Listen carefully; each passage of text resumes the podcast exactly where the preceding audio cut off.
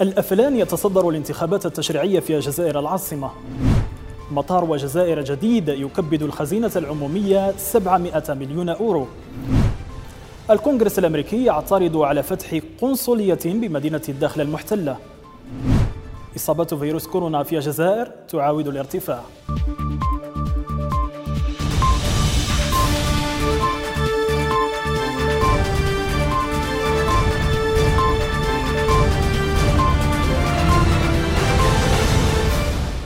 كشف عضو مجلس الأمة عبد الوهاب بن زعيم أن نتائج الانتخابات التشريعية بجزائر العاصمة أسفرت عن تصدر حزب جبهة التحرير الوطني بحصده لعشرة مقاعد.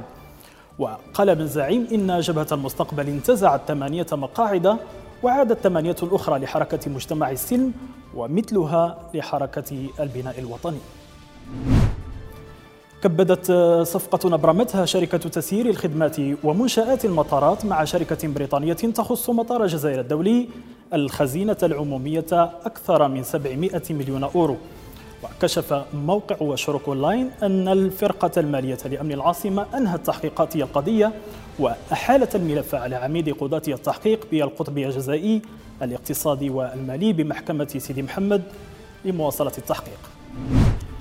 اعترض مجلس الشيوخ الأمريكي على قرار فتح قنصلية للولايات المتحدة في منطقة الداخل المحتلة بالصحراء الغربية.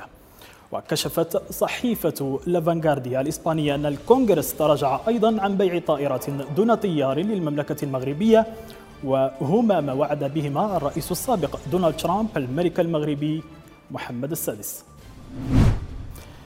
سجلت الجزائر 354 إصابة جديدة بفيروس كورونا خلال الساعات الأربع والعشرين الماضية. وأحصت الوزارة ثمانية وفيات جراء الإصابة بالوباء وتماثلت 242 حالة للشفاء خلال المدة نفسها. نهاية النشرة للمزيد من الأخبار تابعوا منصاتنا على مواقع التواصل الاجتماعي. إلى اللقاء.